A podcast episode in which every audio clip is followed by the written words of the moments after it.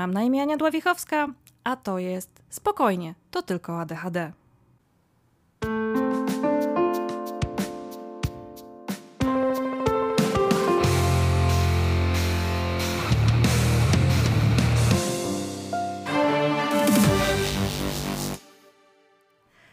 Cześć, witam Was w drugim odcinku Spokojnie to tylko ADHD. Dzisiaj będzie o tym, czym jest ADHD. W pierwszym odcinku opowiedziałam Wam, jak to się stało, że mam diagnozę, e, już taką całkiem formalną na papierze i tak dalej. E, no ale zanim ta diagnoza się pojawiła, była wstępna i, i, i były, były testy, o czym też Wam opowiadałam. Ale ten moment ja bym zaczęła od diagnozy ADHD. To jest coś, co do mnie ciągle wraca. I, I pewnie będzie jeszcze bardzo długo wracało, szczególnie, że jak ludziom mówię o tym, że mam ADHD, to wracamy do tego samego momentu, do tego ty ADHD? W sensie, ale jak to? Bo tak naprawdę to czym jest ADHD? Oczywiście na sam ten temat można by poświęcić znacznie więcej niż 15, 150 czy 1500 minut podcastów, książek i tym podobnych rzeczy. E, ja postaram się odpowiedzieć krótko, bo jednym z celów, które sobie postawiłam nagrywając ten podcast, było to, żeby mieć co podesłać ludziom, którzy zadają mi to pytanie. To czym jest ADHD? I jak to możliwe, że ty jako dorosła kobieta masz diagnozę ADHD dopiero teraz? Jeśli otworzycie Wikipedię, bo to jest pierwszy wynik w przeglądarce, który się pojawi, to dowiecie się, że ADHD to jest Attention Deficit Hyperactivity Disorder, z angielska oczywiście, e, tłumaczone na e, język polski jako zespół nadpobudliwości psychoruchowej z deficytem uwagi. Kto zna angielski, zauważy, że w angielskim zaczyna się od deficytu uwagi, a w polskim kończy się na deficycie uwagi. To jest dosyć ciekawe, mm, bo przyjmuje się, że są trzy takie główne wyznaczniki ADHD e, i one wszystkie trzy nie muszą występować. Więc mamy deficyt uwagi, czy problemy z uwagą, impulsywność i hiperaktywność. Hiperaktywność, niekoniecznie ruchową. Nie wiem jak wy, ale ja zawsze miałam w głowie obraz kilku, może kilkunastoletniego chłopca, który nie jest w stanie usiedzieć e, na miejscu, ciągle przeszkadza i ciągle się rusza. Zresztą, jak otworzycie jakąkolwiek z następnych stron poświęconych ADHD, to, to jest pierwszy punkt. Wierci się, kręci, ciągle się rusza. E, do niedawna w formalnej diagnostyce istniał jeszcze termin ADD. Mm, teraz jest już on um, uznawany za przestarzały, a ADD, czyli Attention Deficit Disorder, czyli um, to, co z ADHD, tylko bez hiperaktywności, zostało wciągnięte pod, pod cały ten zespół. I przyjmuje się, że ADHD to zarówno mogą, ale nie muszą być hiperaktywność, nieuważność, impulsywność oficjalnie oraz jeszcze co najmniej kilka innych cech i y, objawów, które nie występują w oficjalnej definicji. No dobra, ale ten podcast, jakkolwiek ma mieć porządne zaplecze naukowe yy, i wszystko, o czym mówię, chcę, żeby było poparte badaniami, a przynajmniej yy, opiniami ludzi, którzy znają się na ADHD albo na neurobiologii, albo na psychiatrii i nie wynika to tylko z ich przekonań, ale z doświadczenia zawodowego. To jednak jest to podcast osoby z ADHD, a nie specjalistki, która się zajmuje badaniem. Więc będzie on mimo wszystko prowadzony z perspektywy mnie poszukującej odpowiedzi i dzielącej się tymi poszukiwaniami z Wami. To wyjdźmy może z tej wikipediowej definicji, mm, która zaraz po tłumaczeniu y, z angielskiego mówi o zespole neurorozwojowych zaburzeń psychicznych. Mówi o chorobie. Rzeczywiście, przez te kilkadziesiąt lat, kiedy mówimy o ADHD i jeszcze kilkadziesiąt, kiedy nazywano ten zespół cech na wiele różnych sposobów, myślano o tym jako o zaburzeniu, o chorobie, o jakiejś dysfunkcji. I rzeczywiście mózg osoby z ADHD jest inny w tym, jak funkcjonuje, jak reaguje na bodźce, jak je przetwarza, od osoby, która ma tak zwany neuronormatywny mózg. Różnica w mózgu osoby z ADHD i osoby bez ADHD, neuronormatywnej, jest widoczna w funkcjonalnym rezonansie magnetycznym. Te, ta aktywność jest reprezentowana. W opisie tego odcinka znajdziecie link do porównania aktywności yy, mózgów. Tak, tak to będzie prościej. Jakby, wiecie, jeden obraz wart więcej niż tysiąc słów. To działa inaczej. Te mózgi działają inaczej. Czy to, że działają inaczej, oznacza, że któryś z nich jest wadliwy, uszkodzony, nieprawidłowy? Niekoniecznie. Być może po prostu jest inny. Ja uważam, że mój mózg w odpowiednich warunkach działa super. Naprawdę.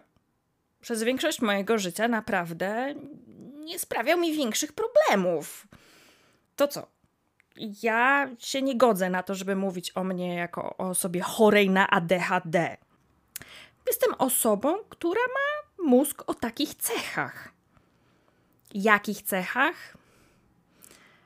Czy jest to mózg impulsywny? Można tak do tego podejść. Jest to też mózg, który bardzo szybko przetwarza dane, bardzo szybko przetwarza informacje, które dostaje. Niekiedy wyciągając wnioski kilkakrotnie szybciej niż mózgi osób dookoła mnie. Mój mózg pozwala mi znaleźć powiązania tam, gdzie ludzie tego nie widzą. Czasami jest impulsywny. ADHD to cecha pełna sprzeczności. Mózg ADHDowca to mózg paradoksalny. Z jednej strony impulsywny, z drugiej strony bardzo szybko reagujący. Z tego powodu osoby z ADHD świetnie się odnajdują w zawodach, które wymagają szybkiego reagowania, natychmiastowego wręcz. Potrafią być strażakami, y, potrafią być świetnymi ratownikami medycznymi, zajmują się eventami, gdzie pracuje się pod ogromną presją czasu y, i oczekiwań, i naprawdę wszystko może się wydarzyć z chwili na chwilę, i my się w tym odnajdujemy. Nie zawsze w zdrowy sposób, ale odnajdujemy się. Wielu z nas się w tym odnajduje. Nie wszyscy, bo nie wszyscy z ADHD mają mocno rozwiniętą tą cechę. No dobra, to co z tą hiperaktywnością? W polskim tłumaczeniu, w polskiej nazwie mamy zaznaczone, że to jest e, hiperaktywność psychoruchowa. No już nawet w tym widać, że to ona może być w zakresie ruchowym, tak? To ten chłopiec, co, co przeszkadza na lekcji. I może być w mentalnym, psychicznym, emocjonalnym. No i tego to już nie zauważycie. Nie zauważycie, że myślę o kilku, kilkunastu rzeczach naraz. Problem z tą, z tą nadpobudliwością jest taki, że na ten odcinek miałam pięć, siedem, osiem różnych pomysłów, z czego część była w mojej głowie w tym samym czasie. W efekcie nie mogłam go nagrać w takiego, jak zaplanowałam i musiałam wrócić dopiero po czasie, kiedy ta część z tych pomysłów po prostu się już wysypała i o nich zapomniałam. Mm. Bo mój mózg ciągle znajdował jakąś inną perspektywę, inny punkt wyjścia, inny pomysł na to. Ja nie jestem jakąś specjalnie aktywną fizycznie osobą. Mogę. Jak się nakręcę na coś, jak jestem super podekscytowana albo jestem w ciągu e, pracy, zdarza mi się po prostu fruwać. Zdarzało mi się niemal biegać po biurze i być wszędzie albo po miejscu eventu, ale na co dzień to się raczej, e, raczej nie zdarza, szczególnie ostatnimi czasy, więc ta hiperaktywność ma też swoje różne strony. Mm, czasem związana jest z tym, że fiksujemy się na jakiejś aktywności, że po prostu robimy wszystko, co z tym związane. I tu przechodzimy do uwagi, bo w definicji jest deficyt uwagi. Jak ja to przeczytałam po raz pierwszy, to miałam takie, jaki deficyt? Ja się naprawdę umiem skupić w specyficzny sposób, ale to nie jest tak, że, że, że nie jestem w stanie. Po prostu muszę robić kilka rzeczy naraz, bo tak. Moja uwaga łatwo się rozprasza. Między innymi dlatego, że jestem jeszcze wrażliwa na bodźce różne. Um, ale jeżeli w coś się naprawdę, naprawdę wciągnę, to łapię tak zwany hiperfokus. To kiedyś było malowanie. To potrafi być praca nad. Yy, nawet nad, tabel, nad tabelką w Excelu, pod warunkiem, że jest to ciekawy, ciekawy problem do rozwiązania z pomocą tych narzędzi to może być poszukiwanie informacji o ADHD, na którym spędziłam, no myślę, że już dobre kilkadziesiąt godzin od, od momentu wstępnej diagnozy. Tylko, że ja nie mam do końca wpływu na to, gdzie ta uwaga popłynie. Spoko, jak, jak to jest coś, co jakoś tam pokrywa się z moją pracą zawodową, albo akurat jest pożyteczne w, mo w moim życiu. Gorzej, że nie zawsze tak jest. Kiedy sprzątam mieszkanie, to nie jest tak, że nie wiem, idę do kuchni, sprzątam całą kuchnię, potem idę, nie wiem, do łazienki, sprzątam łazienkę, potem idę do sypialni, sprzątam sypialnię, potem myję podłogi. Nie, to tak nie działa. Ja naraz sprzątam wszystko, najczęściej kończę tak po 80-90%, wiecznie coś jest niedokończone. E, bo już nie mam siły, bo nie da się w jedną osobę wysprzątać w trzy godziny całego mieszkania czasami. Ale ja nie umiem. Po prostu fizycznie nie jestem w stanie stać i składać prania przez 30 minut.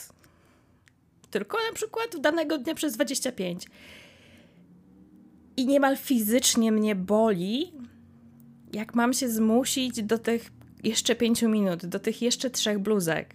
Jaki jest tego efekt? Wiecznie mam coś niedokończone. Uuu, no dobra. E, mimo wszystko staram się, żeby to trwało 15 minut. E, więc to tyle na dzisiaj.